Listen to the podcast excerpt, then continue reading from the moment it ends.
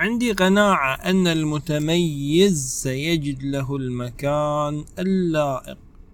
أتكلم هذا الكلام وأنا كنت أبحث عن شخص يعمل لي فيديو آه، بشكل مناسب وبسعر مناسب.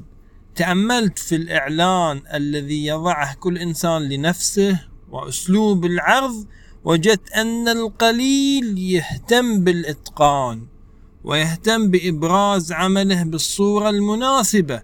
ووجدت أن الذي يضع إعلان جذاب وينتقي الألوان بشكل مناسب في عمله وفي الإعلان عن خدماته يحصل على تفاعل أكبر من المهتمين بالمحتوى النوعي وبالتصاميم النوعية.